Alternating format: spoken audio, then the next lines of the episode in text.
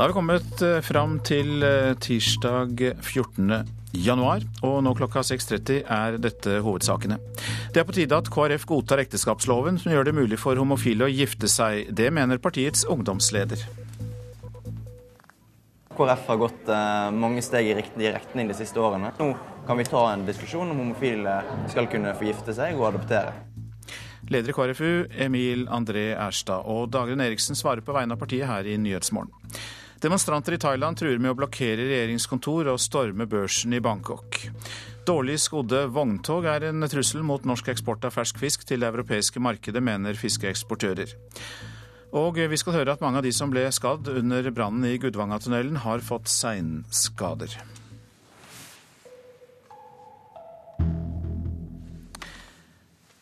Det er på tide at eh, KrF godtar ekteskapsloven som gjør det mulig for homofile å gifte seg. Det mener leder i KrFU, Emil André Erstad. Han åpner dermed for at homofile også kan adoptere. Og han får full støtte av det lesbiske KrF-medlemmet Hanne Marie Pedersen Eriksen. Så eh, gjelder det jo mitt liv eh, og det at jeg ønsker å gifte meg med hun jeg er glad i. For meg er det følelsesmessig når andre kan mene at det er feil, at jeg skal få gifte meg med den personen. Leder i KrFU, Emil André Erstad, mener det er på tide at KrF tar steget fullt ut og aksepterer at Norge har en kjønnsnøytral ekteskapslov. Det betyr at partiet skal gå inn for at homofile skal få gifte seg. Jeg mener at KrF har gått eh, mange steg i riktig retning de siste årene. Bl.a. i fjor når vi programfesta fulle juridiske rettigheter for homofile og lesbiske. At nå kan vi ta en diskusjon om homofile skal kunne få gifte seg og adoptere. Siden 2009 har Norge hatt en kjønnsnøytral ekteskapslov. Det innebærer bl.a. at lesbiske og homofile par har samme rett til å bli vurdert som adopsjonsforeldre som heterofile ektepar. Da lova ble vedtatt, stemte KrF imot. Erstad mener nå at tida er inne for å ta opp denne debatten i partiet på ny. KrF har aldri vært i tvil om at homofile kan være like gode omsorgspersoner som heterofile. Nå mener jeg at eh, vi må ta en debatt på om homofile skal kunne gifte seg, og om eh, de skal kunne adoptere barn. Jeg kunne absolutt tenke meg å adoptere, og mener at jeg kan eh, argumentere for det på en etisk og god måte. Selv om Erstad ønsker at KrF endrer standpunkt, må han by seg på motstand innad i partiet. En av de som ikke deler dette synet, er leder i KrFU i Oslo, Espen Frøvold. Eh, jeg vil møte den debatten med, med frisk mot.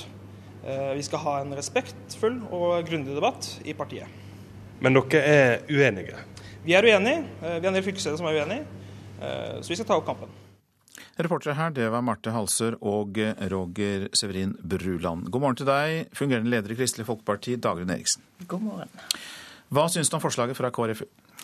Eh, altså At eh, KrFU tar opp denne saken, det må KrFU ha full mulighet til å gjøre.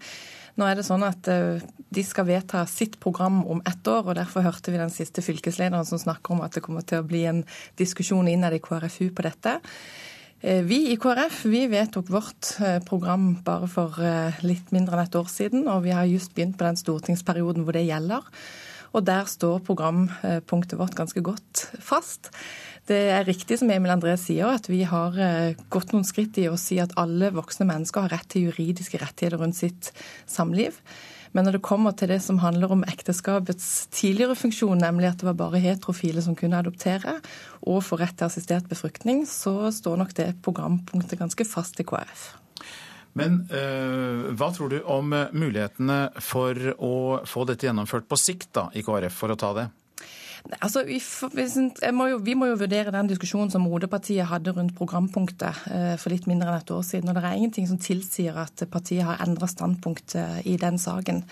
Eh, det som jeg tror har vært viktig, det er å komme til den erkjennelsen at alle mennesker som ønsker å leve sammen, skal kunne ha juridiske rettigheter rundt sitt samliv. Eh, og så er det en diskusjon rundt det med adopsjon og assistert befruktning, som jeg tror eh, for KrF eh, er viktig at det fortsatt hører til i ekteskap mellom en mann og kvinne. Tror du at KrF kan godta ekteskapsloven i en viss forstand, som gjør det mulig for homofile å gifte seg, men likevel ikke godta dette med å gi dem adopsjonsrett? Altså Her er du jo inne i veldig sånn, egentlig mye både semantikk og en del sånn litt sånn, for noen veldig dype diskusjoner. For skal man bruke ordet ekteskap, eller skal man ikke? Det viktige tror jeg at man eh, for KrF er jo at man anerkjenner at alle har rett til juridiske rettigheter rundt sitt samliv. Eh, men jeg tror nok at det er det barneperspektivet som har vært eh, viktigst for KrF. Og det handler jo ikke, som Emil André sier, at, at ikke homofile er gode omsorgspersoner. Men det handler om hva vi har som et utgangspunkt eh, for hvordan vi starter familier. Men vi hørte jo her bl.a. da Hanne Marie Pedersen Eriksen si at det er jo mine følelser, ikke partiets følelser. At partiet på en måte bare kan legge dette personlighet til side og akseptere at noen folk er homofile og de ønsker å gifte seg, og så ferdig med det? Jo, og det er, altså, det er, jo begrepet gifte som blir utfordringen i den sammenhengen. For det er klart at, det, at man ønsker å kunne ha eh, forpliktende samliv med sine, eh, de man er glad i. Det tror jeg er viktig, og der har KrF eh, gått en runde med seg sjøl, hvor vi tidligere var de som stemte mot partnerskapsloven. Så stemte vi nå for partnerskapsloven nettopp av den grunn. Men å gå derifra til å si at alle har rett til å bli foreldre uh, uansett, det uh, tror jeg sitter veldig mye lenger inne hos KrF. Og det handler om at uh, det å ha lover som i utgangspunktet gjør at de som kan få barn sammen, er de som vi også har et lovverk som omfatter. Men til slutt, Dagrun Eriksen, er dette så vanskelig at det nærmest strider med partiets grunnsyn? Nei, altså det som er, og det er veldig viktig for meg at KrFU nå tar opp den saken. Det er helt legitimt. Dette er en sak som vi må diskutere, som alle andre politiske saker. Eh, men det er ikke noe som tilsier at KrF i denne saken kommer til på kort sikt å skifte noe syn. Ok, takk skal du ha, fungerende partileder i Kristelig Folkeparti, eh, Dagrun Eriksen. I eh, USA har forhandlere fra Senatet og Representantenes hus blitt enige om et budsjettforslag. Dermed unngår den amerikanske staten at institusjoner må stenges og at lønninger og pensjoner ikke blir utbetalt, i hvert fall da fram til oktober. Budsjettet setter også visse grenser for hvor mye hvert regjeringskontor kan bruke inntil 30.9, da budsjettet for 2014 ender. Budsjettet blir trolig vedtatt i Kongressens to kamre innen lørdag denne uken. Dårlig skodde vogntog er en trussel mot norsk eksport av fersk fisk til det europeiske markedet. Ja, det mener norske fiskeeksportører, som i fjor eksporterte sjømat for mer enn 60 milliarder kroner. Det er helt ødeleggende for våre kundeforhold. Våre kunder er jo avhengig av å selge varen videre. Det er jo en ferskvare vi holder på med primært, og den må selges i løpet av noen dager. og Da tåles det ikke at eh, trailerne ligger utfor veien. Det forteller Steinar Eliassen i Nordfra Eksport AS. I 2012 eksporterte han sjømat for nesten 300 millioner kroner. Hver vinter blir vogntog fullasta med laks og hvitfisk til det europeiske markedet stående fast eller blir liggende i grøfta langs nordnorske og vestlandske vinterveier. Mange norske ferskfiskeksportører prioriterer pris istedenfor kvalitet på transportørene de bruker. Regnes jo sjøl som en seriøs aktør og vil bli oppfatta av det som både kunder og leverandører. Da må vi være sikre på at vi har samarbeidspartnere på transporten som også er seriøse. Norges sjømatråd markedsfører norsk sjømat over hele verden. Alle uforutsette forsinkelser på transporten til kjøper er svært uheldig. Det sier direktør for markedsinformasjon i Sjømatrådet, Egil Ove Sundheim. Man har et veldig kort vindu her fra fisken er tatt opp og til den bør være ute i markedet og bør være salgbar. Og en dag eh, som du taper på en, eh, et, et eller annet uhell underveis, medfører redusert salgstid. Og det er en utfordring for bransjen. Reporter her, det var Jan Riise Pedersen. 350 stillinger i Statoil skal flagges ut til lavkostland. Det gjelder jobber innenfor IT, finans, bygg og administrasjon. Ytterligere 145 stillinger kan bli flagget ut seinere. Det skriver Stavanger Aftenblad. Konsernsjef Helge Lund vil ikke kommentere saken, men flere uavhengige kilder bekrefter at beslutningen ble tatt i går. Sist sommer ble det klart at Statoil vurderte å flagge ut inntil 1000 stillinger innen 2020. Demonstrantene i Thailand truer med å stramme til blokaden av regjeringsbygninger i hovedstaden. Og Asia-korrespondent Anders Magnus, du er med oss fra Bangkok. Hvordan merkes protestene? Ja, Det er jo folk ute i gatene overalt. Akkurat nå er det en eh, motorsykkelkortesje som kommer med støttespillere og flagg og tuter og blåser i fløyter. De har bestemt seg for at de skal stanse eh, sentrum i byen, stenge ned trafikken, sperre de offentlige kontorene slik at de ansatte ikke kom på jobb så mange dager som det er nødvendig, sier de, for å få eh, statsminister Inglok Shinawat til å gå av.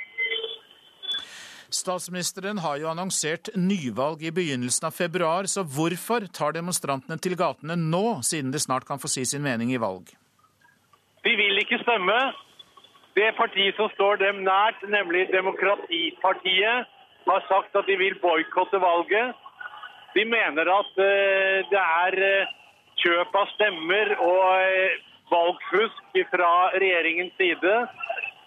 Og de er også ganske sikre på at de kommer til å tape et sånt valg. De har ikke vunnet et valg siden 1992, fordi flertallet av folk i Thailand støtter jo ikke dem, men derimot den sittende statsministeren og hennes bror Taksin Shinawat, milliardæren som nå bor i eksil i Dubai og er dømt for korrupsjon her i sitt eget land. Så de vil ikke ha noe valg. Og selv om statsministeren nå snakker om at det kan bli aktuelt å utsette valget, så hjelper ikke det noe, sier lederen for eh, opposisjonen her, Sutep. Altså leder demonstrantene og sier at det eneste som vil få demonstrantene til å slutte, er at statsministeren går av. Hvilke følger har protestene for økonomien og turismen?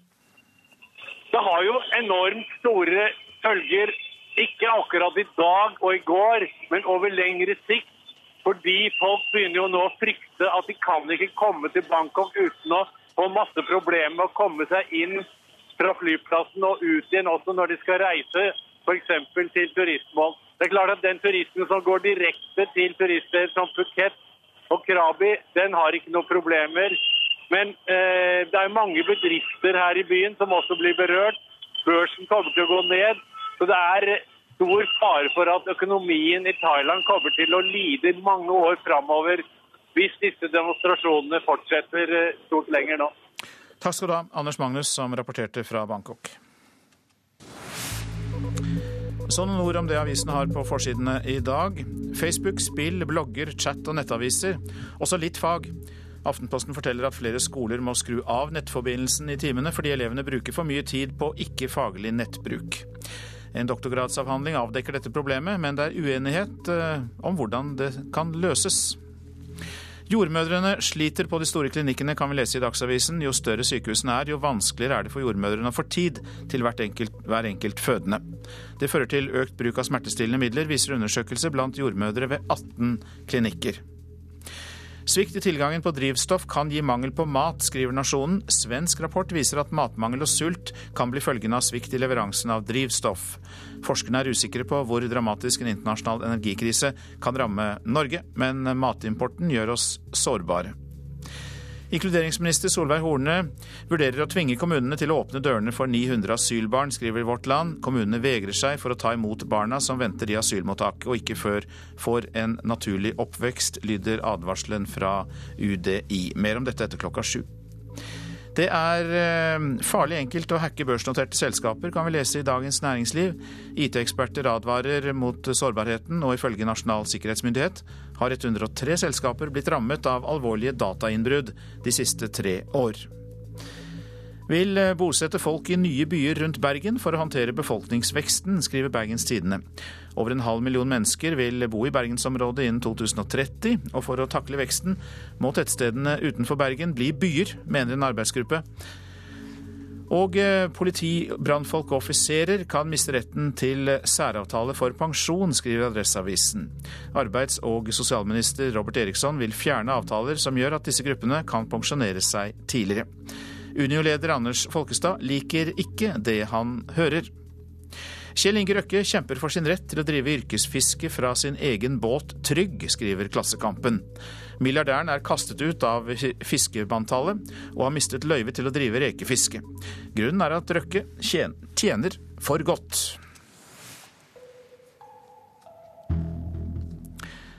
NRKs fotballekspert Tom Nordli er spent på hvordan eh, Tore Ole Skullerud vil takle presset i Molde.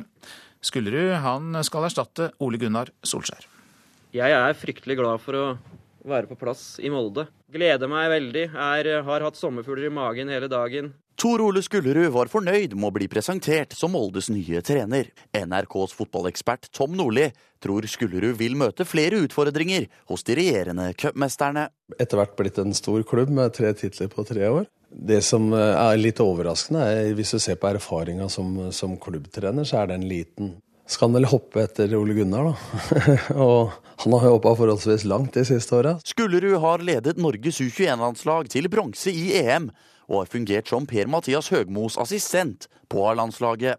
Nordli legger vekt på at presset vil bli større som hovedtrener i Molde. Resultatkrava og mediatrykket som man må ta, takle i tillegg, og det, det er jo den utfordringa man får. Den nyansatte Molde-treneren er likevel optimistisk, og har store ambisjoner for sesongen som venter ekstremt offensiv og tydelig på at jeg tror vi kan utvikle oss enda videre fra en fantastisk periode i klubben, eh, men med flinke folk, med tung kompetanse og med en fotballkultur som jeg sier, som er så tydelig og klar som her i Molde, så tror jeg på det at vi skal komme oss videre.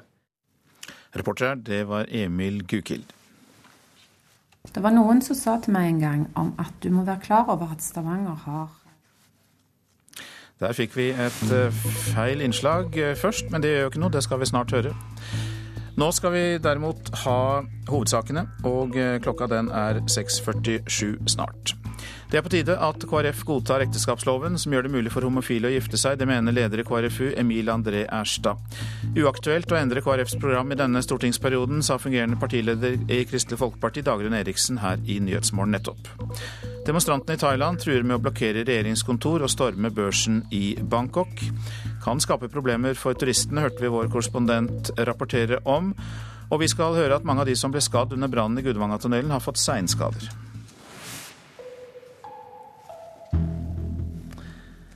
Men nå om det vi fikk et lite glimt av for noen sekunder siden. Det å drive opposisjonspolitikk i Stavanger blir nemlig sett på som et svik. Slik oppfatter gruppelederen for Arbeiderpartiet situasjonen, Cecilie Bjelland.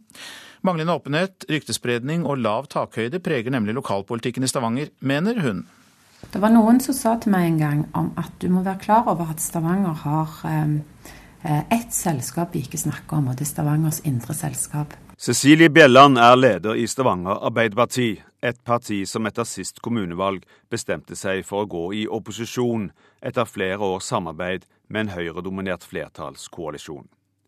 Møtet med Stavanger-politikken etter flere års fravær har vært et lite sjokk. Jeg har oppfattet at det blir til tider regnet som eh, et svik å ha en annen mening i Stavanger enn det som har vært konsensuspolitikken og det som har vært praksis før.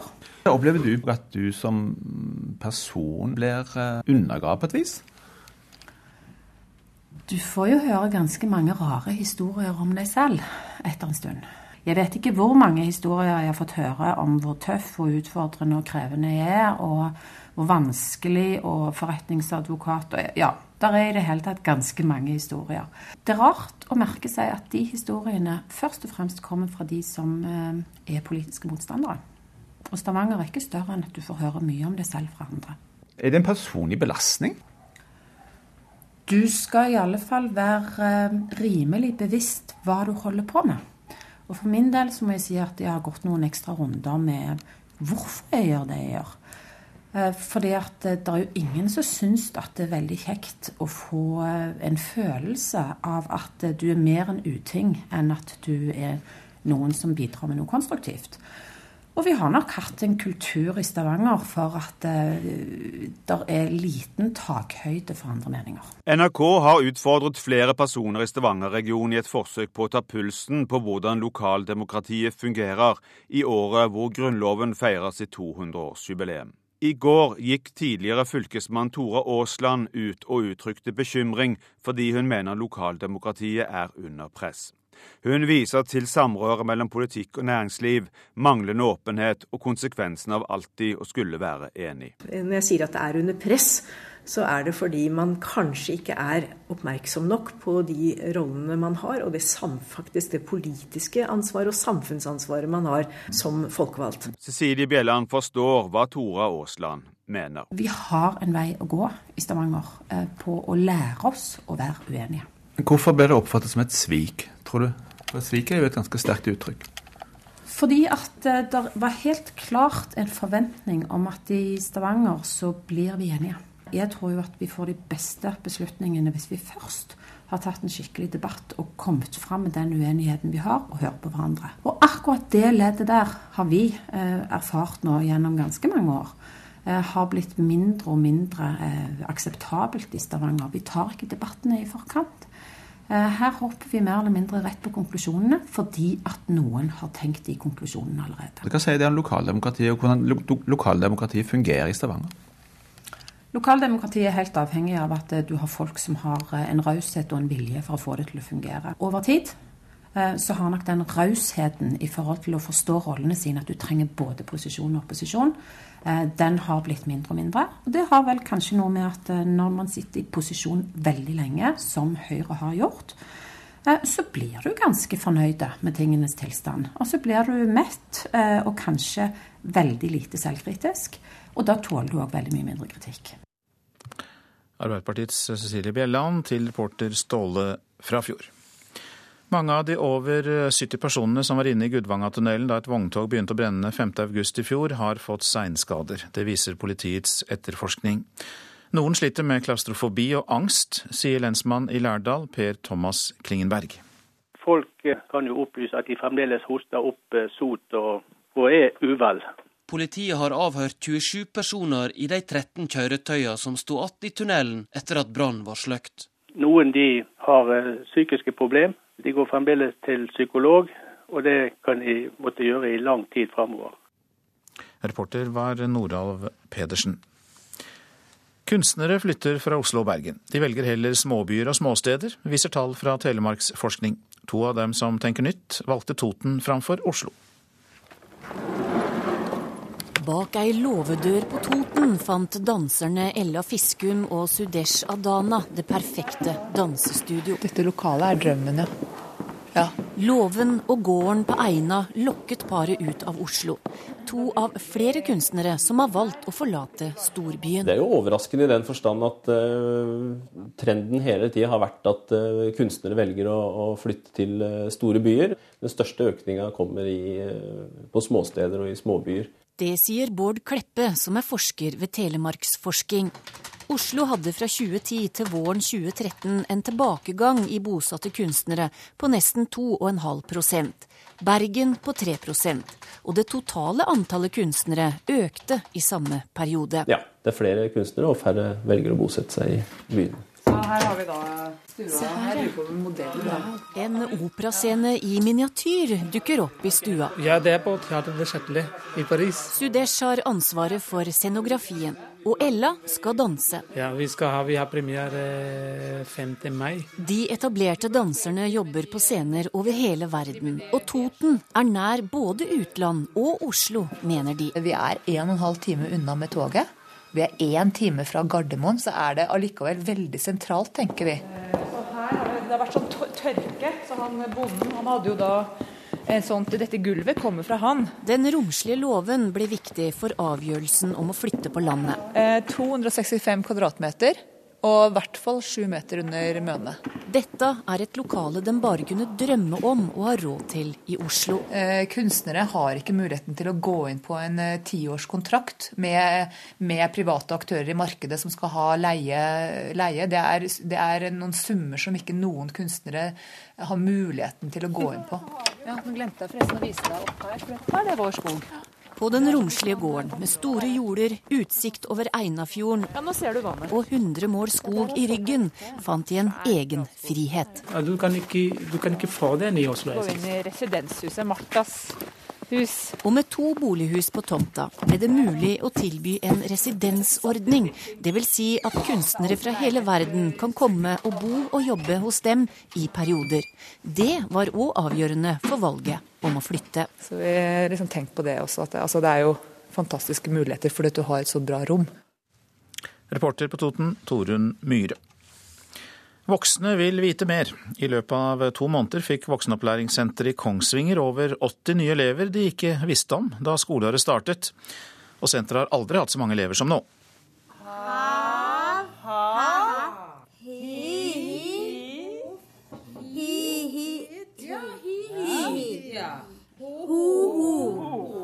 De lærer seg å lese.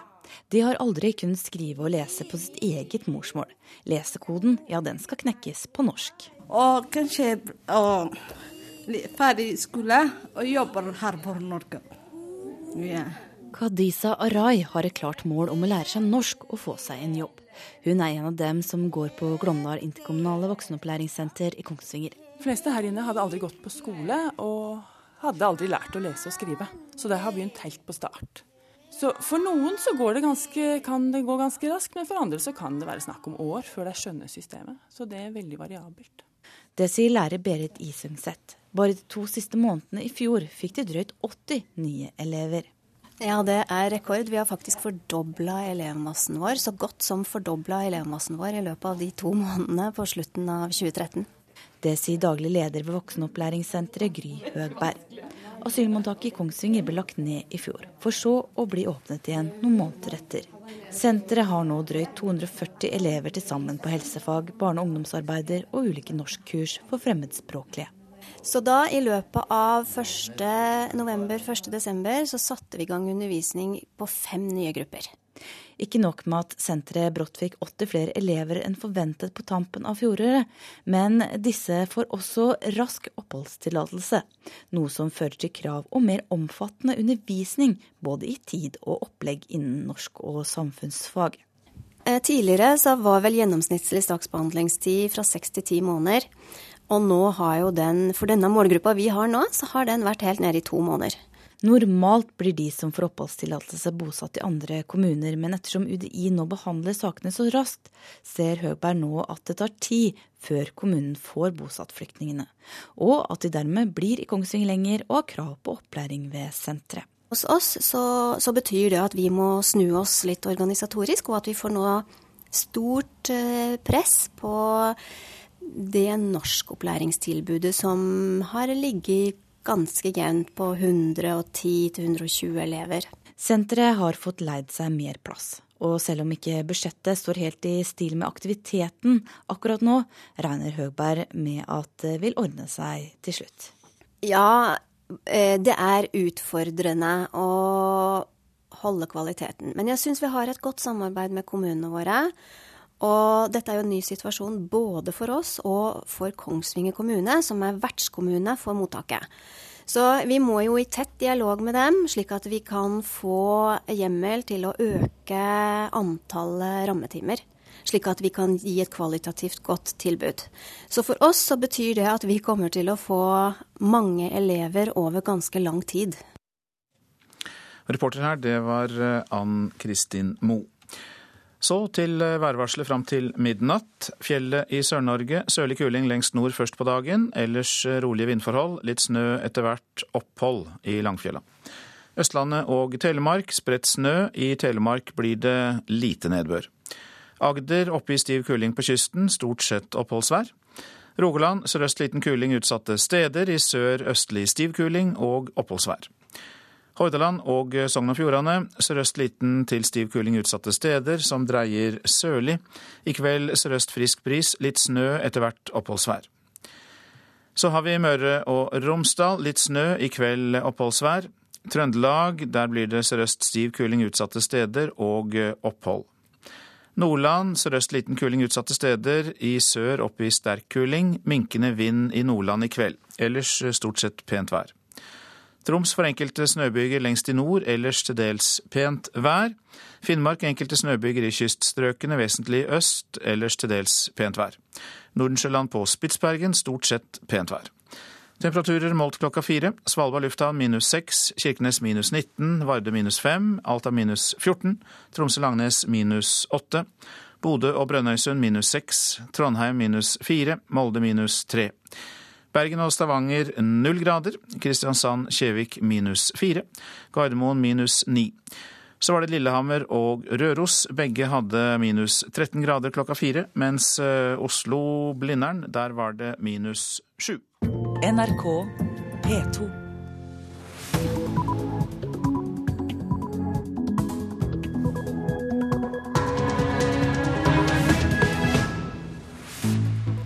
Nyhetsmorgen fortsetter, og her skal vi få Redd Barnas reaksjon på at overgrepssaker mot barn nærmest er dagligdags i norske rettssaler, slik vi hørte i Dagsnytt. Det kan være aktuelt å tvinge motvillige kommuner til å bosette asylbarn, sier inkluderingsminister Solveig Horne. Og vi skal også høre mer om at Egypt går til folkeavstemning om en ny omstridt grunnlov i dag. Bleiebarn som banner og sverter på YouTube, det har skapt røre i USA. Det får du også høre mer om den nærmeste halvtimen.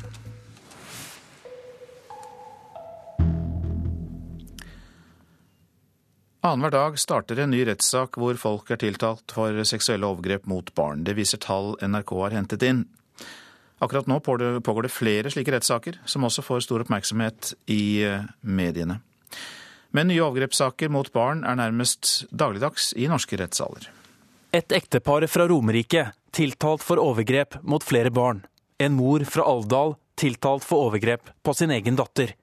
Rettssakene pågår denne uken, men de er bare noen av mange. Det er rundt 200 slike saker hvert år i tingrettene, viser tall fra Domstolsadministrasjonen. Altså én ny sak annenhver dag. Jeg tenker at det er skremmende, eh, at det er urovekkende høye tall. Sier bistandsadvokat Hege Salomon, som vet godt hva overgrep gjør med barn. Det kan føre til sosial angst, eh, depresjoner, rusproblematikk, selvmordsforsøk. Eh, og det man ofte ser, er at der man blir utsatt for seksuelle overgrep i, i ung alder, så kan det ødelegge hele utviklingen og, og det tillitsforholdet man har til, til, andre personer. En av dem som har møtt i en rettssal etter å ha blitt seksuelt misbrukt, er Lisbeth Lindberg Strand. Det skjedde for 50 år siden, da hun bodde på barnehjem. Hvor han eh, da satt eh, plasserte meg opp på en sofa, tok av meg da undertøyet og var faktisk klar til å gjennomføre et samleie med meg den gangen. Der konen da kommer inn, ser veldig godt hva som er i ferd med å skje, og sier unnskyld, her forstyrrer jeg visst, og går ut igjen og lukker døren. Og så ble jeg redd, og så løp jeg ut. Hva husker du best fra den tiden da du var på barnehjemmet da dette foregikk? Redsel. Du gikk hele tiden med en redsel. Du hadde eh, utryggheten, du hadde skyldfølelsen for at eh, du var utsatt for eh, disse overgrepene. For man trodde jo, og det trodde jo jeg langt opp i voksen alder, at det var min feil at jeg ble seksuelt misbrukt. Og svært få av de som misbruker barn seksuelt, blir tiltalt. Det sier jusprofessor Ragnhild Hennum, som har forsket på overgrep mot barn. Vi har noen omfangsundersøkelser som ser på omfanget i hele befolkningen. Og hvis vi sammenligner de tallene med det relativt sett lave antallet som kommer til domstolene, så uh, er, uh, ser vi en stor forskjell. Hvor mange flere saker er det? Ja, det vet vi jo ikke helt. Så å være helt presis er umulig. Men noen undersøkelser har antyda at det bare er 10% av sakene vi ser i rettsapparatet, Reportere her Haldor Asvald og Camilla Wernersen. Janne Rånes, du er leder for norgesprogrammet til Redd Barna og er med oss nå. Og vi hørte altså at eh, annenhver dag starter en ny rettssak om overgrep mot barn. Hva får dere av informasjon om barn som blir misbrukt her i landet? Nei, jeg hører man bruker ord som at man er rysta over at det er høye tall i rettsapparatet. Jeg må vel si at jeg er mer bekymra for alle de sakene som barn lever med, men som vi aldri får høre om. Eh, det er nok et større problem at eh, de fleste sakene vil man aldri avdekke.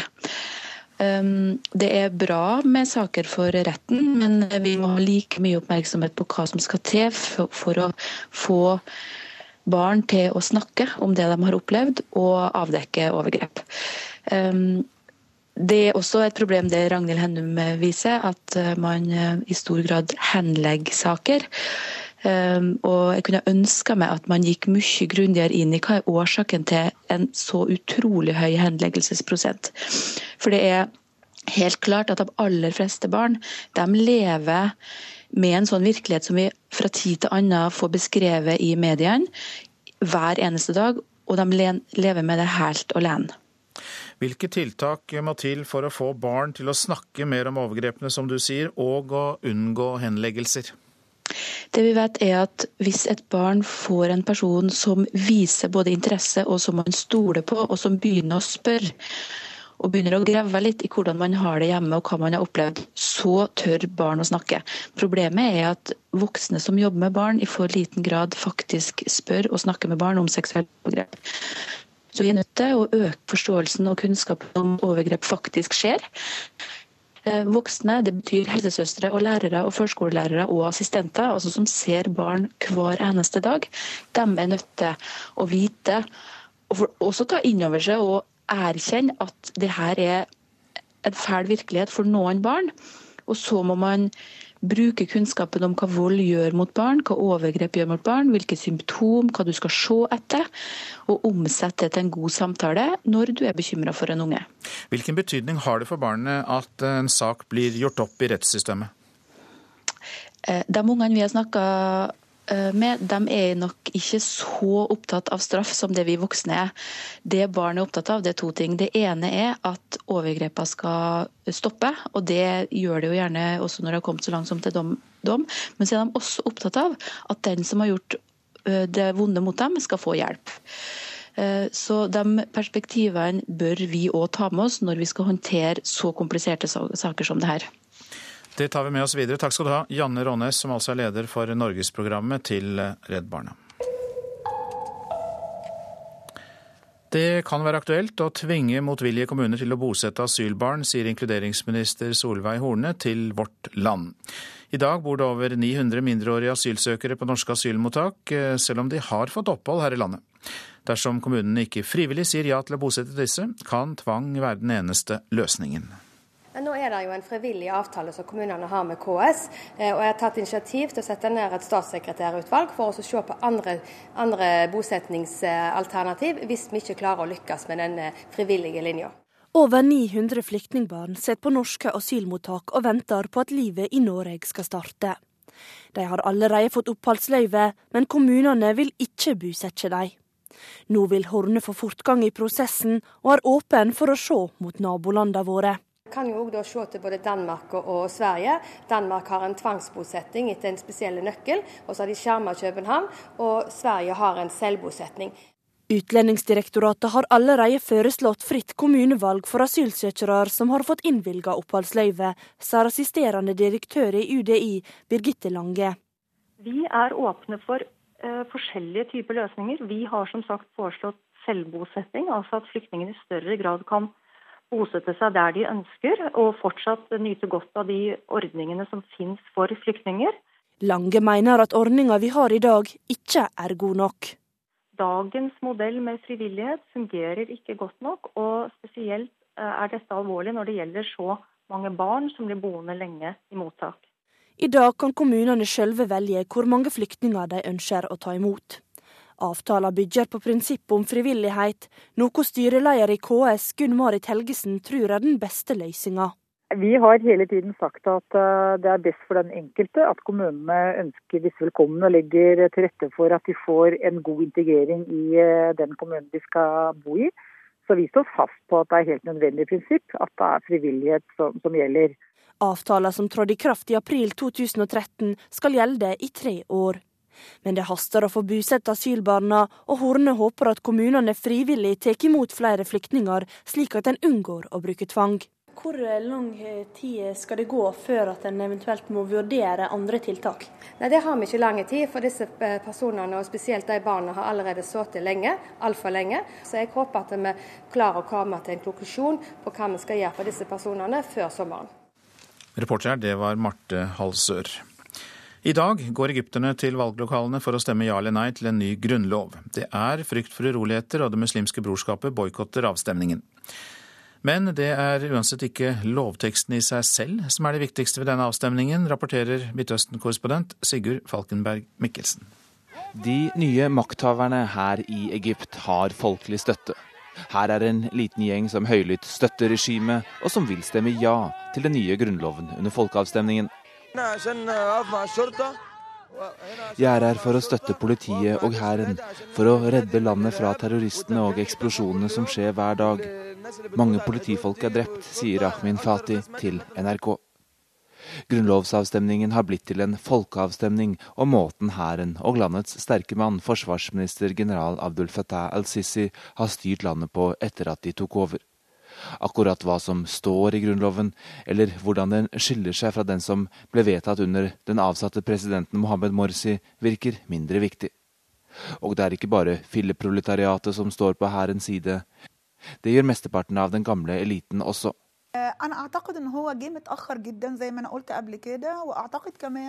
Beslutningen kom for sent. Den kom etter en rekke voldelige hendelser. Vi kan ikke leve med situasjonen slik den er nå, sier f.eks. assisterende professor dr. Samia Kadri ved Ain Shams-universitetet om at regimet har erklært brorskapet for en terrorbevegelse. Det regimet mangler derimot, er demokratisk legitimitet gjennom stemmeurnene, og det er det de håper å få nå. De færreste her i Egypt tviler på utfallet. Grunnloven vil bli vedtatt. Det har tilnærmet vært umulig å drive en nei-kampanje. Det har f.eks. vært flere arrestasjoner av folk som har hengt opp plakater mot den nye grunnloven. Viktigere er det med hvilken margin den blir vedtatt, og ikke minst med hvilket oppmøte. Det muslimske brorskapet oppfordrer naturlig nok til boikott, og flere imamer har utstedt fatwaer mot å stemme. Men regimet har også mistet støtte blant mer sekulære og venstreorienterte aktivister. Student Mohammed Samir er en av dem. Jeg traff ham i går kveld, men han var helt uten demokratiske illusjoner og hadde bestemt seg for å boikotte.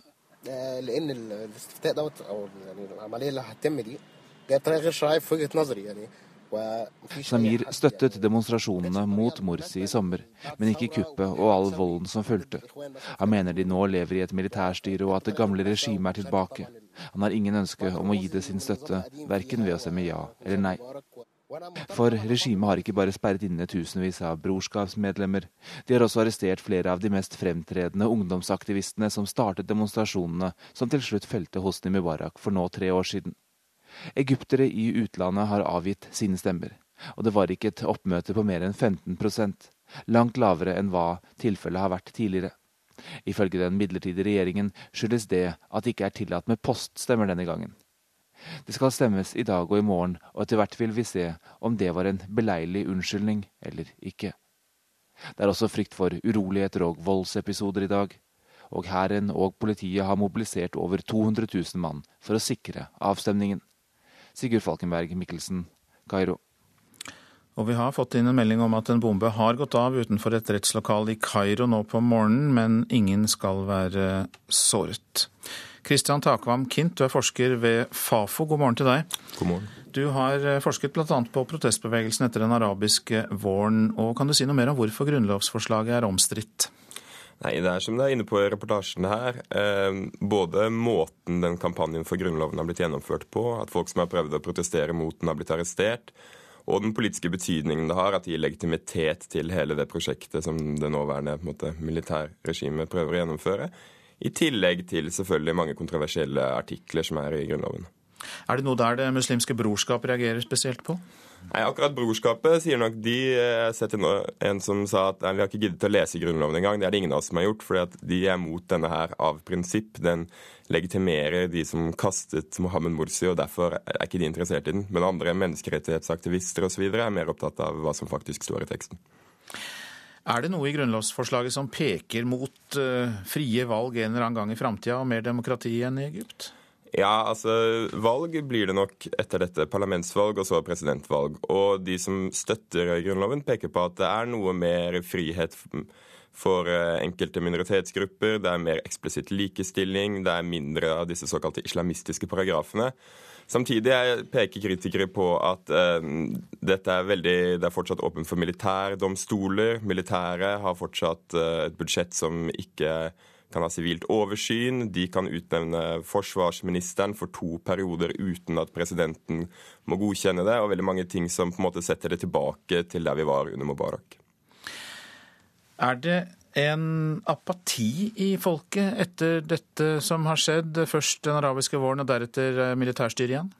Ja, du kan si det sånn, Nå går de ut og stemmer for en ny grunnlov for tredje gang på tre år, altså mens vi har hatt vår grunnlov i 200 år. Det tror jeg sier noe om på en måte forskjellen i stab politisk stabilitet mellom de to landene. Og det er klart at uh, Det blir spennende å se på valgoppslutningen nå. Det er god grunn til å tro og mange signaler som tyder på at nå er folk lei av særlig den politiske prosessen og føler at dette fører ikke noe sted frem. Vi velger noe, det blir kastet. Vi stemmer for en grunnlov, den blir borte. Og hva er vitsen med å engasjere seg veldig i dette prosjektet her nå? Vi hørte om at det har gått av en bombe ved et av valglokalene. Hva tror du om risikoen for at det kan være voldelige reaksjoner i løpet av denne valgdagen? Nei, det er selvfølgelig risiko for det. Samtidig så er jo, som vi var inne på i reportasjen her, militæret og politiet mobilisert i stor stil. Så det er god sjanse for at det blir, ja, blir eh, dyttet ned ganske effektivt og raskt. Får eh, denne grunnloven noen legitimitet? Det kommer litt an på valgoppslutningen. alle er enige om at det kommer til å bli et klart ja-flertall til denne grunnloven, fordi at alle som er mot den, egentlig har valgt å boikotte. Men derfor, dersom det blir en veldig høy prosent som stemmer for, så kan regimet med litt sånn tyngde si at se her, prosjektet vårt er støttet. Men sannsynligvis så blir det ikke det, og den får ikke en veldig demokratisk legitimitet, selv om eh, myndighetene vil prøve å selge det som det. Men selv myndighetene har på en måte ikke så mye illusjoner om at denne grunnloven kommer til å vare veldig lenge. Så til og med de sier at ja, dette er et dokument som kanskje varer i fem-seks år, så får vi se. Så alle er enige om at nå grunnlover i Egypt er noe som er oppe for diskusjon selv etter at de er valgt inn. Mange takk for at du kom til Nyhetsmorgen, Christian Takvam Kint, som altså er forsker ved Fafo. Dette er P2s Nyhetsmorgen, og klokka den eh, går mot 7.20. Eh, Dette er hovedsaker. Overgrepssaker mot barn er nærmest dagligdags i norske rettssaler. Janne Rånes i Redd Barna sa her i Nyhetsmorgen at mer må gjøres for å få barna til å snakke om overgrep, og hindre at saker mot overgripere blir henlagt. Det kan være aktuelt å tvinge motvillige kommuner til å bosette asylbarn, sier inkluderingsminister Solveig Horne til Vårt Land. Og mer salat eh, og mindre slikkerier. Jo, nyttårsforsettene virker. Det merker nemlig dagligvarebransjen. Mer om det snart.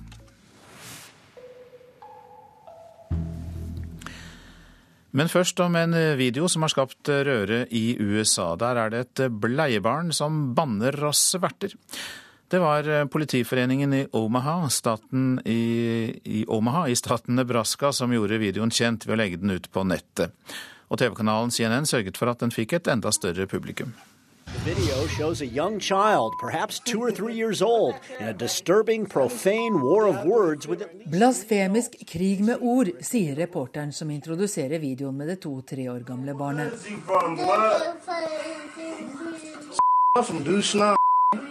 Nøyaktig hvilke banneord som brukes, kan seerne bare ane.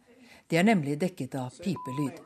Men at det sies fuck og shit mange ganger, er det ikke tvil om. Den afroamerikanske gutten har ikke noe annet enn en bleie på seg, og på et tidspunkt viser han fingeren til fotografen.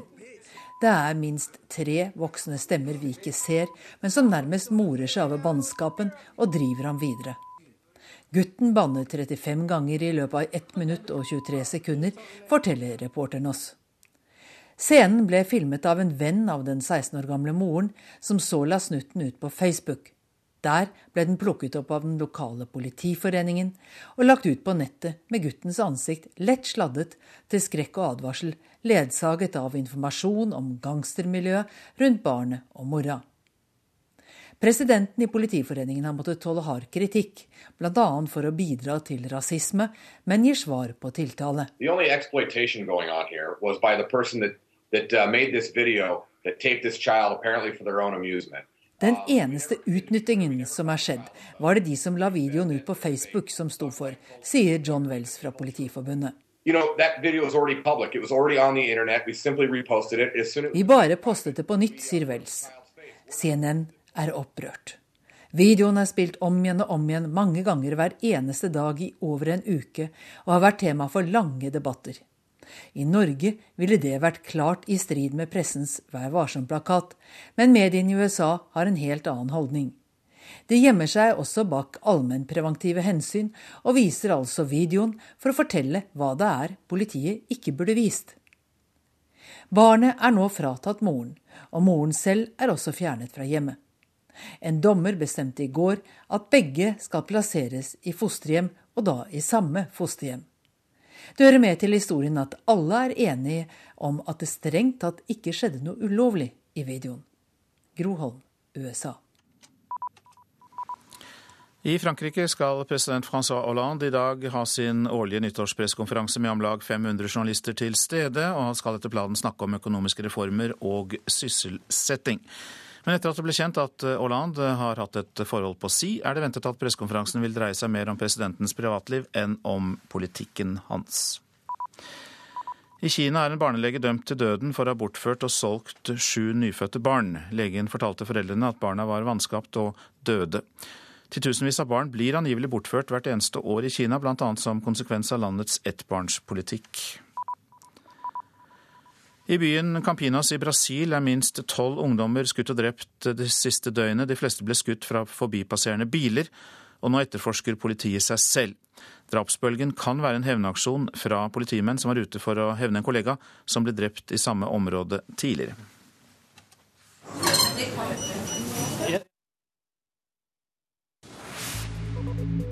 Ja, det er signalet på at vi skal si litt om hva avisene har på forsidene. Facebook, spill, blogger, chat, nettaviser og så litt fag. Aftenposten forteller at flere skoler må skru av nettforbindelsen i timene fordi elevene bruker for mye tid på ikke-faglig nettbruk. Doktorgradsavhandling avdekker dette problemet, men det er uenighet mellom ekspertene om hvordan det kan løses. Jordmødrene sliter på de store klinikkene, kan vi lese i Dagsavisen. Jo større sykehusene er, jo vanskeligere er det for jordmødrene å få tid til hver enkelt nyfødt. Det fører til økt bruk av smertestillende, eh, og eh, det viser altså en undersøkelse blant jordmødre ved 18 klinikker her i landet. Svikt i tilgangen på drivstoff kan gi mangel på mat, skriver Nasjonen. Svensk rapport viser at matmangel og sult kan bli følgende av svikt i leveransen av drivstoff. Forskerne er usikre på hvor dramatisk en internasjonal energikrise kan ramme Norge, men matimport gjør oss sårbare. Det er eh, farlig enkelt å hacke børsnoterte selskaper, kan vi lese i Dagens Næringsliv. IT-eksperter advarer mot eh, denne sårbarheten. Ifølge Nasjonal sikkerhetsmyndighet har 103 eh, selskaper blitt rammet av alvorlige datainnbrudd de siste tre år vil bosette folk i nye byer rundt Bergen for å håndtere befolkningsveksten, skriver Bergens Tidende. Over en halv million mennesker vil bo i bergensområdet innen 2030, og for å takle veksten må tettstedene utenfor Bergen bli byer, mener en arbeidsgruppe. Mer om, og eh, så skal vi høre om at politi og brannfolk og offiserer kan miste retten til særavtale for pensjon, skriver Adresseavisen. Arbeids- og sosialminister Robert Eriksson vil fjerne avtaler som gjør at disse gruppene kan pensjonere seg tidligere. Unio-leder Anders Folkestad liker ikke det han hører, ifølge avisa. Og Kjell Inge Røkke kjemper for sin rett til å drive yrkesfiske fra sin egen båt Trygg, skriver Klassekampen. Milliardæren er kastet ut av fiskermanntallet og har mistet løyve til å drive rekefiske. Grunnen er at Røkke tjener for godt.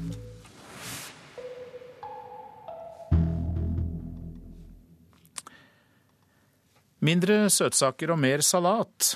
Ja, butikkene merker at vi forsøker å holde nyttårsforsettene våre.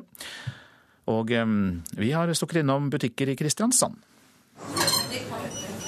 Jeg, jeg ser du eh, kjøper grovbrød her i stedet for søte kaker. Er det nyttårsforsettene som eh, innfris, eller? Det er helt riktig. det er helt riktig. Men så tok jeg litt kake på sida, men det er fordi at jeg ennå ikke er ferdig med jula. Å, ja, Så du snek deg til en liten søtbit, du? Ja, jeg gjør det. Men du har også et nyttårsforsett om å spise sunnere? Ja, jeg forsøker å spise sunt egentlig hele året. Nei, det er det overhodet ikke, for det brødet skal jeg med på hytta. Så du kjøpte uansett når målet var? Ja ja, uansett. Litt ulike tilbakemeldinger fra et par tilfeldige kunder hos Dampbakeri i Kristiansand med grovbrød i posene sine.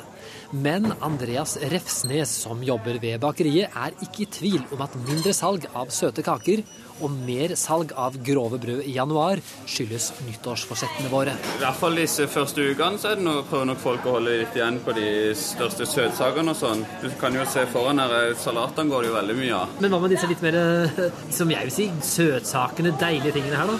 Det går litt stille nå for tida. Folk skal være sunne, vet du. Du, Hvor lenge holder sånne, sånne nyttårsforsetter? Jeg tror de fleste pleier å gi seg i uke tre. Men eh, jeg har ikke noen sjøl, så jeg kan ikke si noe på hvor lenge folk skal holde ut med dem. Du, Er det sånn at dere reduserer produksjonen av søtekaker og øker grovbrødproduksjonen de første eh, ukene av et nytt år? Ja, altså det her har vi jo tall på fra år tilbake, og sånn, så vi vet litt vi, hvor i sesongen vi ligger og hva vi skal satse på. Og så for dere som kanskje vil ha en stille stund, bli med meg til en av de største godteributikkene i Kristiansand. Her står Martine Mjåland, du jobber her. Det var ikke mange her. Nei, det stemmer. Det roer seg veldig nå etter jul. Er det nyttårsforsettene dere er blitt et offer for? Ja, det er det. Absolutt. Det er jo Folk skal være sunne i januar og kjøper ikke så mye godteri som før, kanskje. Men det er ganske påtagelig, altså? Ja. Forhåpentligvis så glemmer folk fasettene etter hvert. ja, og her inne skal man kikke ganske godt for å finne noe sunt, kan man ikke det?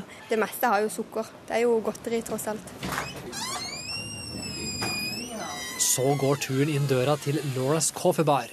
Bak disken står Helene Nikolaisen, som har mange godbiter å friste med. Spesielt for en reporter uten nyttårsforsetter. Her er det både grove bagels, rundstykker, men det er også litt eh, mer sånn dessertkaker, og selvfølgelig masse kaffe. Man merker det jo veldig i starten av januar, når folk typisk har den der at de skal trene og, og spise sunt. Gjør de det her også? Ja, altså man merker jo nedgang når det går til muffins og sånne ting, men eh, bagels går jo veldig bra. Fordi at de er litt sunnere? Ja. Men hva med kaffen, da? Er det sånn at man nå heller skal ha skummamelk enn helmelk i kaffen? Vi har jo ikke skummamelk, vi er jo lettmelk, men ja, merker jo veldig forskjell på det òg. Det er flere som spør etter lettmelk i henhold til hva de gjør resten av året. Du, jeg liker ikke å følge trenden. Nei? Kan du servere meg den mest usunne og mest kaloririke kaffen du har? Jeg skal prøve i hvert fall. Det er vel en iskaffe med karamell og hvit sjokolade og så masse krem på toppen. Mm, deilig. Ja. Vær så god. Ja, på jakt etter kalorier var reporter Yngve Stiansen. Du lytter til Nyhetsmorgen. Språklige snublesteiner i Midtøsten. Sissel Wold forteller oss mer om det etter Dagsnytt. Hvilke egenskaper bør Senterpartiets nye leder ha? Spørsmålet blir stilt i Politisk kvarter til stortingsrepresentant Per Olaf Lundteigen og fylkesleder i Oppland, Oppland Senterparti, Ivar Odnes. Prosent for Nyhetsmorgen i dag, Vidar Eidhammer. I studio i dag, Øystein Heggen.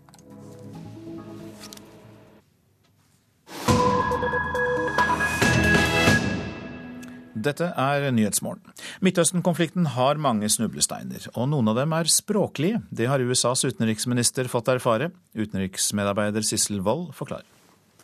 I will say that uh, we are working with, with a commitment to trying to resolve uh, this conflict. John Kerry reiser, snakker og presser alle parter. USAs utenriksminister legger enormt med arbeid og politisk prestisje i høyrisikoprosjektet å få en avtale mellom israelere og palestinere etter snart 100 år med blodig konflikt. Kerry har satt en frist, og den går ut i april-mai i år. Uh, Utenriksminister Kerry tester alle muligheter for å få til en tostatsløsning. Det sier palestinernes mangeårige sjefsforhandler Saeb Erikat. Men statsminister Benjamin Netanyahu stiller et krav før Israel vil gå videre.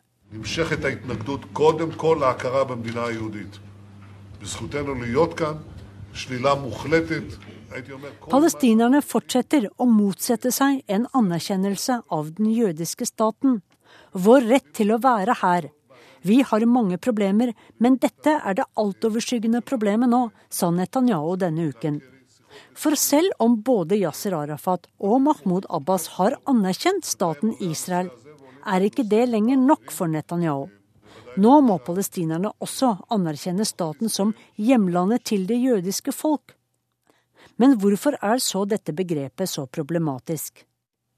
Dette er en kamp om narrativen, kampen om de to folkenes versjoner av historien og tilhørigheten til dette landet. Om palestinerne anerkjenner Israel som hjemlandet til det jødiske folk, antyder de samtidig at sionistene gjorde rett i å fordrive 700 palestinere i 1948, siden landet jo ikke tilhørte dem. Skulle president Mahmoud Abbas, som er født i byen Sefad, som ligger nord i Israel, viske ut sin egen families og sitt folks lange historie i landet? Og om Israel skal anerkjennes som jødenes land, hva da med den million israelske statsborgere som ikke er jøder? For over 20% av israelerne er muslimske arabere, palestinere som er født og oppvokst i Israel, som ikke dro i 1948. Som palestinsk president kan ikke Abbas gå med på å gjøre sine egne til annenrangs borgere i det landet de har bodd på i generasjoner. At Israels høyreside vil presse palestinerne til å akseptere begrepet nasjonen for det jødiske folk, har flere forklaringer. Én er at jødiske israelere har en redsel for å bli jaget igjen etter århundrer med forfølgelser og folkemord. En annen er at diskusjonen om dette begrepet overskygger de andre sakene John Kerry prøver å løse. Fremtiden til palestinske flyktninger, bosettere, Jerusalem og grensene. Netanyahu, som er i krysspress mellom John Kerry og sine egne hardlinere i Likud-partiet, makter ikke å ta de smertefulle avgjørelsene som Ariel Sharon i sin tid turte å ta. Om palestinerne ikke vil anerkjenne begrepet jødisk stat, ja, da har Netanyahu en å skylde på når Kerrys store innsats mislykkes. Også liberale israelere og amerikanske jøder kritiserer Netanyahu for å bringe opp jødisk stat-begrepet nå. En stat der en femtedel av statsborgerne ved fødsel blir annenrangs borgere, både juridisk og materielt sett, kan heller ikke aksepteres av israelske jøder som har normale demokratiske instinkter, skriver Bernard Avishai i The New Yorker.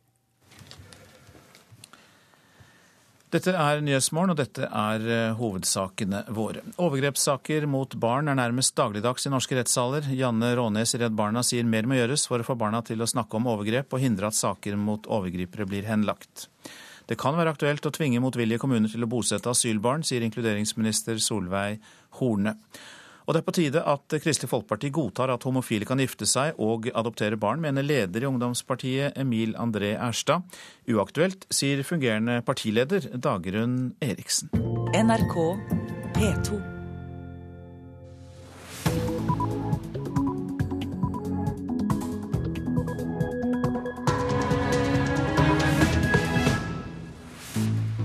Nå klokka 8.30 er dette hovedsaker i Nyhetsmorgen. Regjeringen kommer ikke til å gå inn for bare seks politidistrikter i Norge, slik Politianalysen anbefalte. Nye overgrepssaker mot barn er nærmest dagligdags i norske rettssaler. Redd Barna er bekymret for alle overgrep som ikke blir avdekket. De lever med en sånn virkelighet som vi fra tid til annen får beskrevet i mediene hver eneste dag, og de lever med det helt alene. Janne Rånes fra Redd Barna. Og vi skal høre at et forhold på si sannsynligvis vil sette sitt preg på den franske presidentens pressekonferanse i dag. Regjeringen kommer altså ikke til å redusere antall politidistrikter fra 27 til 6, slik et utvalg har foreslått. Det betyr bl.a. at det er uaktuelt å slå sammen Rogaland, Hordaland og Sogn og Fjordane til ett politidistrikt. Statssekretær Hans J. Røsjordet sier til Norsk Telegrambyrå at det er uaktuelt å ta så kraftig i som politianalysen som ble lagt fram av Justisdepartementet i fjor sommer anbefalte. Det blir et sted mellom 10 og 19 politidistrikter, sier FrPs statssekretær i Justisdepartementet. Utvalget som la frem politianalysen anbefalte bl.a. at Rogaland, Hordaland og Sogn og Fjordane med 1,2 millioner innbyggere skulle være ett politidistrikt istedenfor dagens tre. Dagens organisering gjør det meget vanskelig å etablere en effektiv styring og utvikling av etaten, mente utvalget i fjor. Politiet burde derfor organiseres i seks politidistrikter. Dette er lite sannsynlig, det er bare å ta frem norgeskartet, da tror jeg svaret gir seg selv, sier Rasjordet til NTB. Reporter, det var Ernst Larsen. Annenhver dag starter en ny rettssak mot folk som er tiltalt for seksuelle overgrep mot barn. Det viser tall NRK har hentet inn. Akkurat nå pågår det flere slike rettssaker, som også får stor oppmerksomhet i mediene. Nye overgrepssaker mot barn er nærmest dagligdags. Jeg tenker at det er skremmende, at det er urovekkende høye tall. Sier bistandsadvokat Hege Salomon, som vet godt hva overgrep gjør med barn. Det kan føre til sosial angst, depresjoner, rusproblematikk, selvmordsforsøk. Og det man ofte ser, er at der man blir utsatt for seksuelle overgrep i, i ung alder, så kan det ødelegge hele utviklingen og, og det tillitsforholdet man har til, til, andre personer. En av dem som har møtt i en rettssal etter å ha blitt seksuelt misbrukt, er Lisbeth Lindberg Strand. Det skjedde for 50 år siden, da hun bodde på barnehjem. Du gikk hele tiden med en redsel. Du hadde utryggheten, du hadde skyldfølelsen for at du var utsatt for disse overgrepene. For man trodde jo, og det trodde jo jeg i langt opp i voksen alder, at det var min feil at jeg ble seksuelt misbrukt. Og svært få av de som misbruker barn seksuelt, blir tiltalt. Det sier jusprofessor Ragnhild Hennum, som har forsket på overgrep mot barn. Vi har noen omfangsundersøkelser som ser på omfanget i hele befolkningen. Og hvis vi sammenligner de tallene med det relativt sett lave antallet som kommer til domstolene, så uh, er, uh, ser vi en stor forskjell. Hvor mange flere saker er det? Ja, det vet vi jo ikke helt, så å være helt presis er umulig. Men noen undersøkelser har antyda at det bare er 10% av sakene vi ser i rettsapparatet.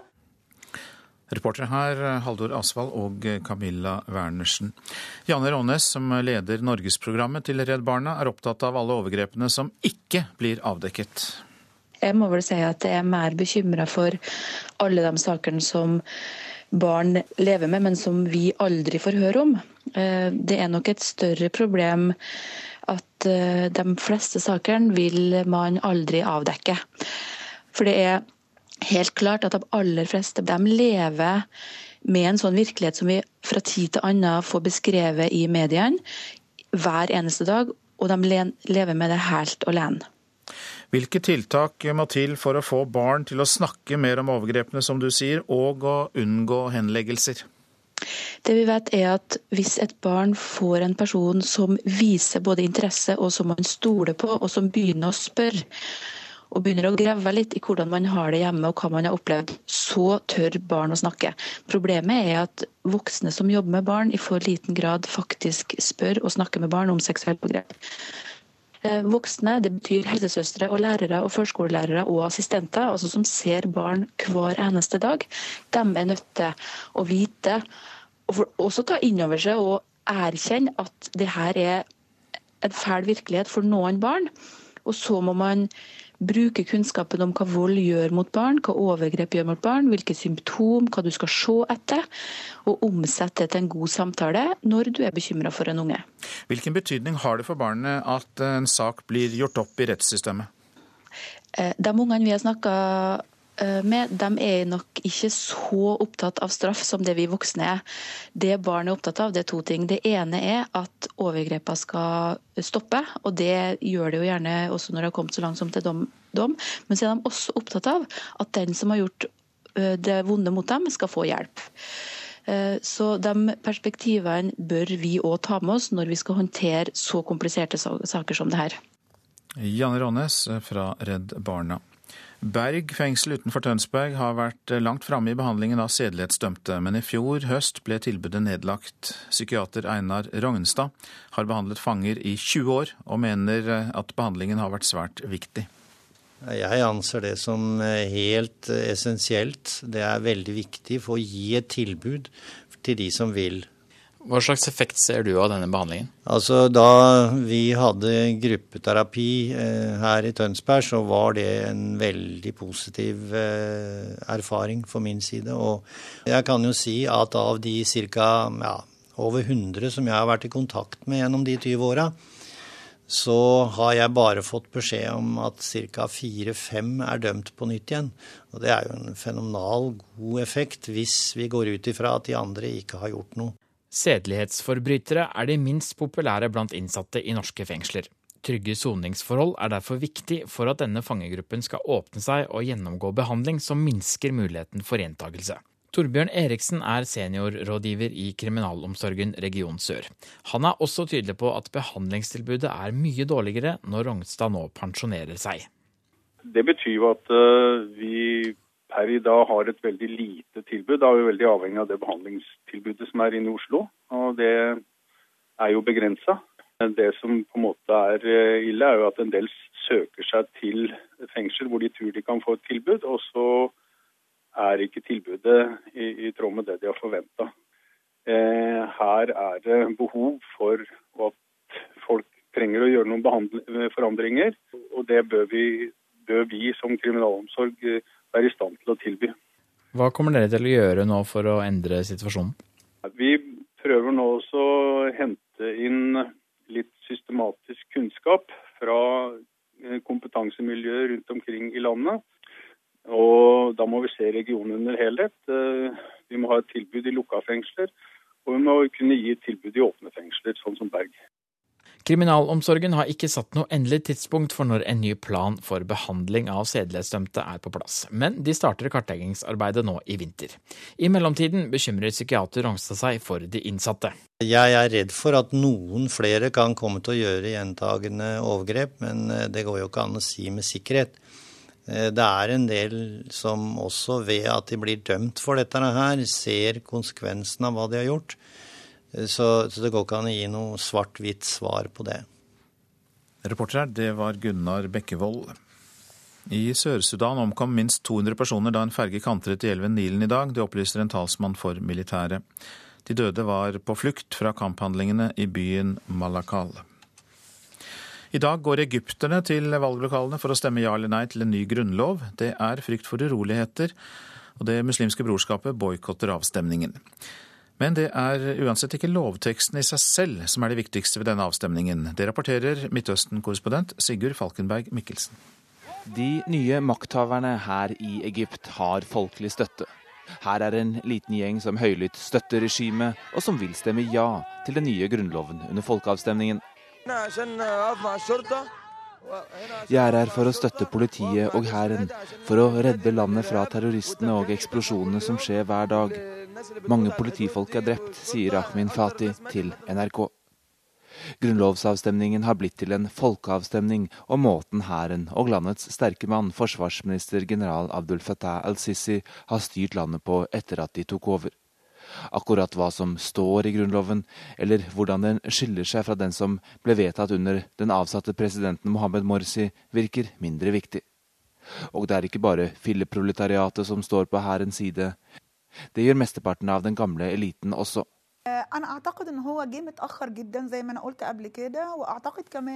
Beslutningen kom for sent. Den kom etter en rekke voldelige hendelser. Vi kan ikke leve med situasjonen slik den er nå, sier f.eks.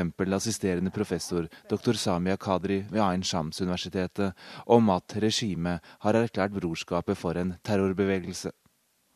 Det regimet mangler derimot, er demokratisk legitimitet gjennom stemmeurnene og det er det de håper å få nå. De færreste her i Egypt tviler på utfallet. Grunnloven vil bli vedtatt. Det har tilnærmet vært umulig å drive en nei-kampanje. Det har f.eks. vært flere arrestasjoner av folk som har hengt opp plakater mot den nye grunnloven. Viktigere er det med hvilken margin den blir vedtatt, og ikke minst med hvilket oppmøte. Det muslimske brorskapet oppfordrer naturlig nok til boikott, og flere imamer har utstedt fatwaer mot å stemme. Men regimet har også mistet støtte blant mer sekulære og venstreorienterte aktivister. Student Mohammed Samir er en av dem. Jeg traff ham i går kveld, men han var helt uten demokratiske illusjoner og hadde bestemt seg for å boikotte.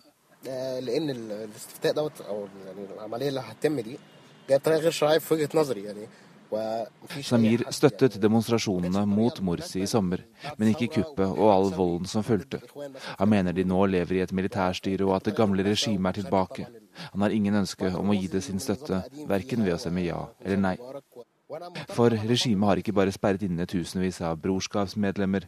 De har også arrestert flere av de mest fremtredende ungdomsaktivistene som startet demonstrasjonene som til slutt felte Hosni Mubarak for nå tre år siden. Egyptere i utlandet har avgitt sine stemmer, og det var ikke et oppmøte på mer enn 15% langt lavere enn hva tilfellet har vært tidligere. Ifølge den midlertidige regjeringen skyldes det at det ikke er tillatt med poststemmer denne gangen. Det skal stemmes i dag og i morgen, og etter hvert vil vi se om det var en beleilig unnskyldning eller ikke. Det er også frykt for uroligheter og voldsepisoder i dag, og hæren og politiet har mobilisert over 200 000 mann for å sikre avstemningen. Sigurd Falkenberg Mikkelsen, Kairo. Demonstrantene i Thailand nå. De truer nemlig med å stramme til blokaden av regjeringsbygningene i hovedstaden. Asia-korrespondent Anders Magnus er i gatene i Bangkok. Ja, Det er jo folk ute i gatene overalt. Akkurat nå er det en eh, motorsykkelkortesje som kommer med støttespillere og flagg og puter og blåser i fløyter. De har bestemt seg for at de skal stanse eh, sentrum i byen stenge ned trafikken, sperre de offentlige kontorene slik at de ansatte ikke kommer på jobb så mange dager som det er nødvendig, sier de, for å få eh, statsminister Inglok Shinawat til å gå av. Statsministeren har jo annonsert nyvalg i begynnelsen av februar, så hvorfor tar demonstrantene til gatene nå, siden de snart kan få si sin mening i valg? De vil ikke stemme. Det partiet som står dem nært, nemlig Demokratipartiet, har sagt at de vil boikotte valget. De mener at uh, det er uh, kjøp av stemmer og uh, valgfusk fra regjeringens side. Eh, og de er også ganske sikre på at de kommer til å tape et sånt valg. De har ikke vunnet et valg siden 1992, fordi flertallet av folk i Thailand støtter jo ikke dem, men derimot eh, den sittende statsministeren og hennes bror Taksin Shinawat, milliardæren som eh, nå bor i eksil i Dubai og er dømt for korrupsjon her i sitt eget land. Så de vil ikke ha noe valg. Og selv om statsministeren nå snakker om at det kan bli aktuelt å utsette valget, så hjelper ikke det noe, sier lederen for eh, opposisjonen her, Sutep. Han som leder demonstrantene og sier at det eneste som vil få demonstrantene til å slutte, er at statsministeren går av. Ja, Det sa vår Asia-korrespondent Anders Magnus, og som vi hørte, så rapporterte han fra gatene i Bangkok. Til Frankrike nå, for i ettermiddag skal president Francois Hollande holde sin årlige nyttårspressekonferanse, og under normale omstendigheter så er jo det en tung politisk redegjørelse der presidenten da skulle ha presentert nye reformer og gode nyheter. Men så er det da avslørt at han har et forhold på si.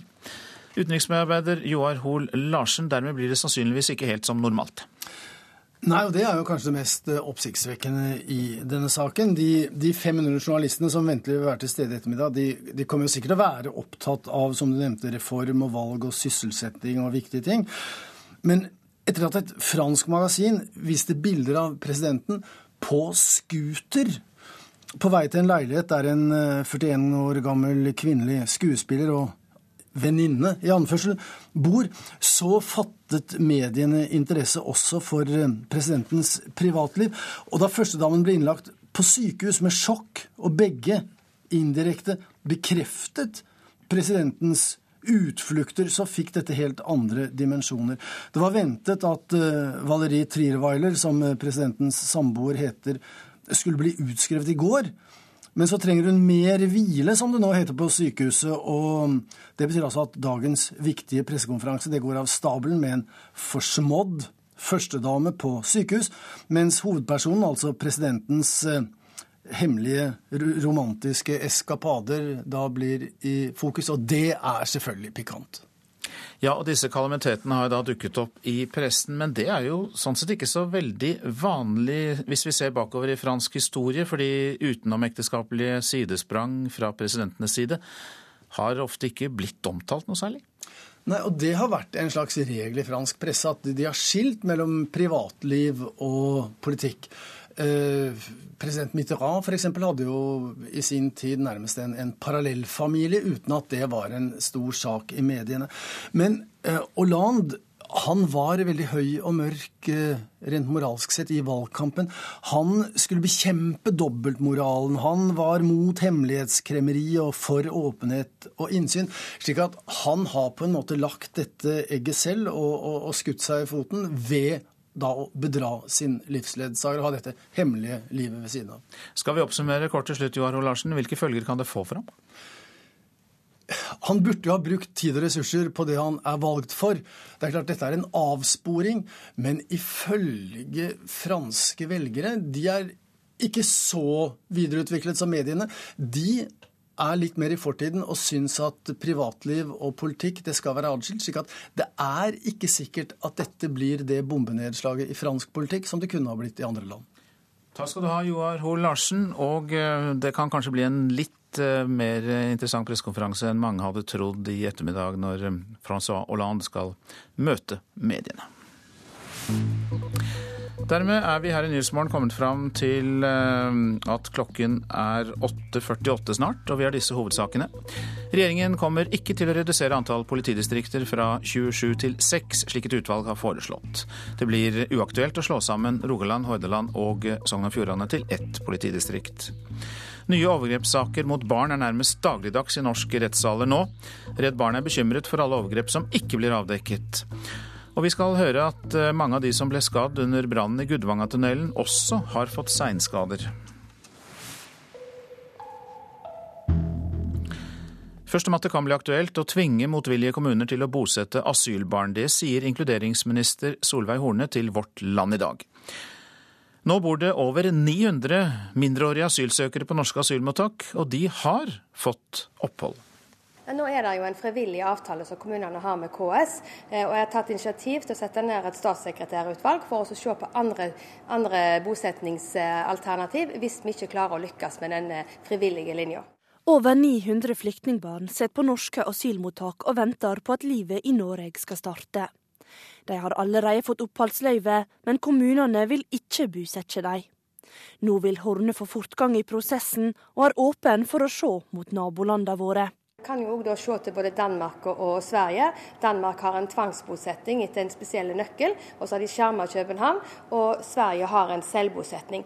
I dag kan kommunene sjølve velge hvor mange flyktninger de ønsker å ta imot. Avtalen bygger på prinsippet om frivillighet, noe styreleder i KS Gunn Marit Helgesen tror er den beste løsninga. Vi har hele tiden sagt at eh, det er best for den enkelte at kommunene ønsker disse velkommen og legger til rette for at de får en god integrering i eh, den kommunen de skal bo i. Så vi står fast på at det er helt nødvendig prinsipp at det er frivillighet som, som gjelder. Men det haster å få bosatt asylbarna, og Horne håper at kommunene frivillig tar imot flere flyktninger, slik at en unngår å bruke tvang. Hvor lang tid skal det gå før at en eventuelt må vurdere andre tiltak? Nei, Det har vi ikke lang tid, for disse eh, personene, og spesielt de barna, har allerede sittet lenge, altfor lenge. Så jeg håper at vi klarer å komme til en konklusjon på hva vi skal gjøre for disse personene før sommeren. Reporter her, det var Marte Halsør. Sjefredaktør Vebjørn Selbakk i den kristne avisen Dagen advarer Kristelig Folkeparti mot å si ja til kjønnsnøytral ekteskapslov. Lederen i ungdomspartiet KrFU, Emil André Erstad, mener det er på tide at KrF gir opp kampen mot ekteskapsloven, som sidestiller homofile og heterofile ekteskap. Men Selbekk mener det vil skremme bort velgere. Jeg tror det er viktig at KrF og KrFU stikker fingeren i jorda og ser hvor partiet befinner seg. De har et eh, valg bak seg nettopp de fikk 5,6% oppslutning. Man er veldig nære sperregrensen. Og hvis man nå igjen begynner å utfordre grasrota og kjernevelgerne på saker som er viktige symbolsaker for dem, så tror jeg at det bare fortsetter glideflukten mot sperregrensa, og at man kanskje kan havne under den. Jeg tror at hvis KrF, eh, nå tror jeg ikke det skjer, men hvis KrF skulle si ja til en kjønnsnøytral ekteskapslov, så er det den sikreste måten å få partiet under sperregrensa på. Han mener det er naivt å tro at dette kan trekke nye velgere til partiet. Og akkurat det samme sa man om, eh, om eh, bekjennelsesparagrafen. Hvis man bare oppheva den, så kom velgerne til å strømme til partiet. Det var en sånn sak som gjorde at mange folk ikke ville stemme KrF. Jeg tror eh, det er veldig naivt å tro at hvis man opphever motstanden mot at ekteskapet skal bare være for, for mann og kvinne, at velgerne da vil kaste seg i favna på KrF. Det tror jeg ingenting på. Men KrFU-lederen mener altså at det er på tide å ta denne debatten nå. Han mener at homofile både skal kunne gifte seg og adoptere. For meg så det, handler det om å sikre gode rammer for forpliktende samliv, uansett hvem en er glad i. Eh, og at en, eh, vi i dag allerede har ei kjønnsnøytral eller felles ekteskapslov gjør at vi som er familieparti i norsk politikk, må ha en god politikk for alle familier, uansett fasong.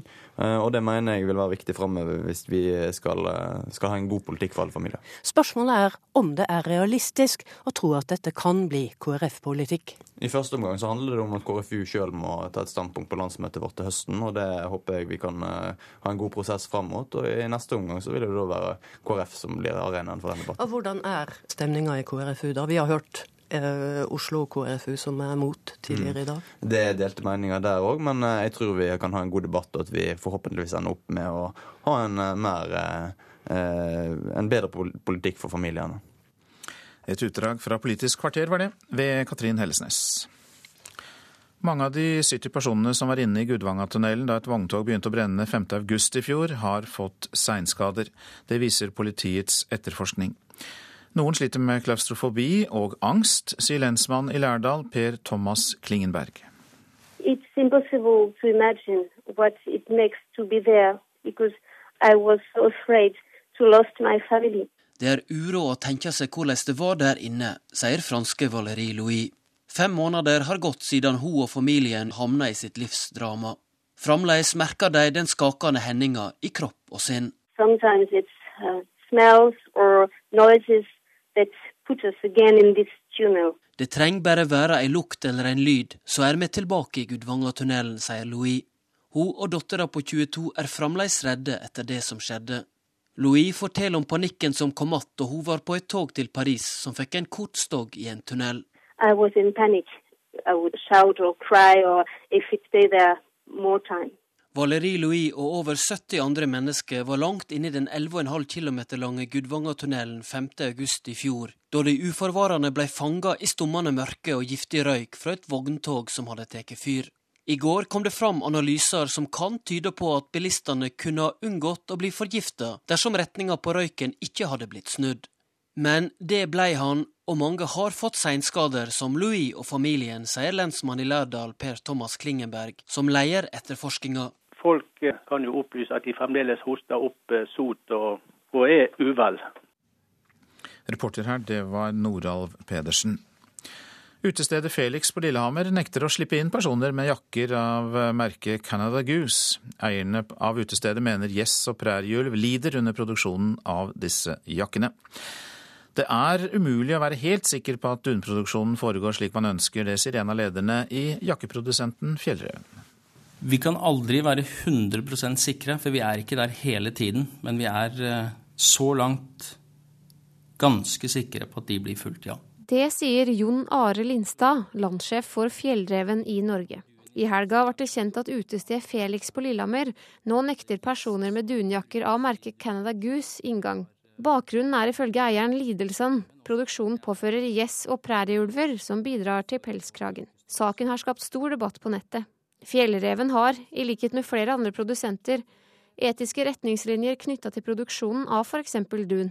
Disse sier at selskapet ikke aksepterer plukking av dun eller fjær fra levende gjess, eller fra fugler som er tvangsfôra.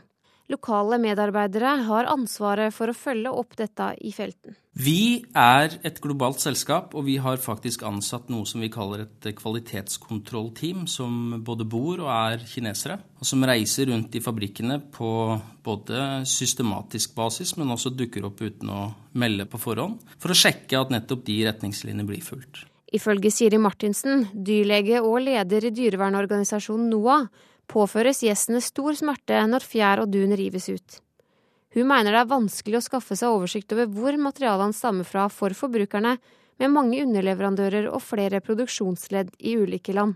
For forbrukeren er det veldig vanskelig å ha noe full oversikt når ikke engang eh, de som selger har oversikt, og er nødt til å nærmest avsløre seg av media eller eh, for å innrømme at de ikke har oversikt. Det er Gjestebransjen eh, er ganske kompleks, og vi vet at når dyr er involvert, så er det veldig lett at det går på bekostning av dyrene.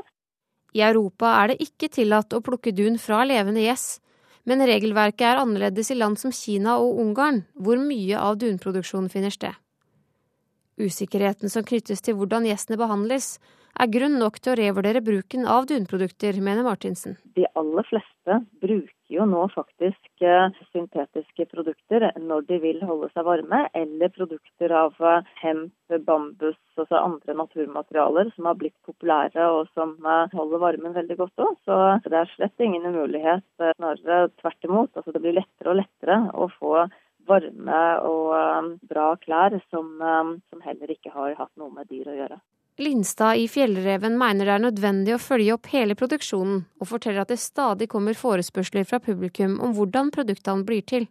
Vi får mange henvendelser, både til oss i Norge, men også internasjonalt, på hvordan vi produserer våre produkter, og hvordan vi produserer dun. Og det er vi veldig glade for, for da kan vi svare akkurat det som svarer til deg nå.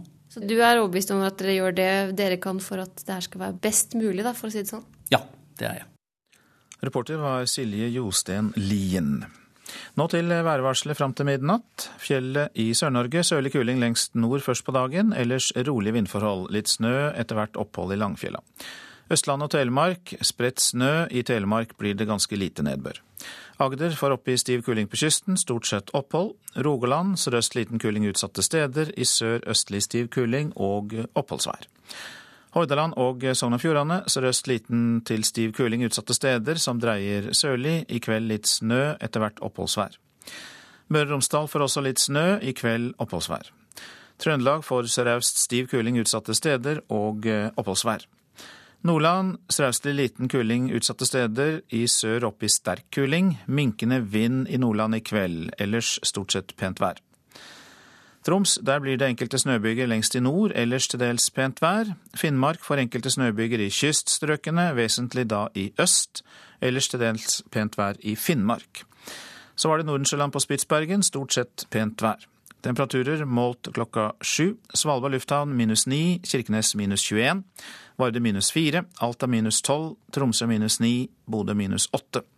Brønnøysund minus seks, Trondheim minus fire, Molde minus fem. Og så var det null grader i Bergen.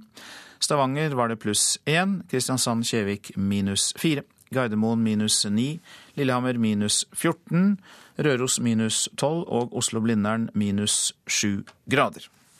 Det var Arne Fossland som var ansvarlig for radionyhetene på morgenen. Vidar Eidhammer var produsent. Marianne Myrhol var teknisk ansvarlig, og her i studio Øystein Heggen. Hør flere podkaster på nrk.no podkast.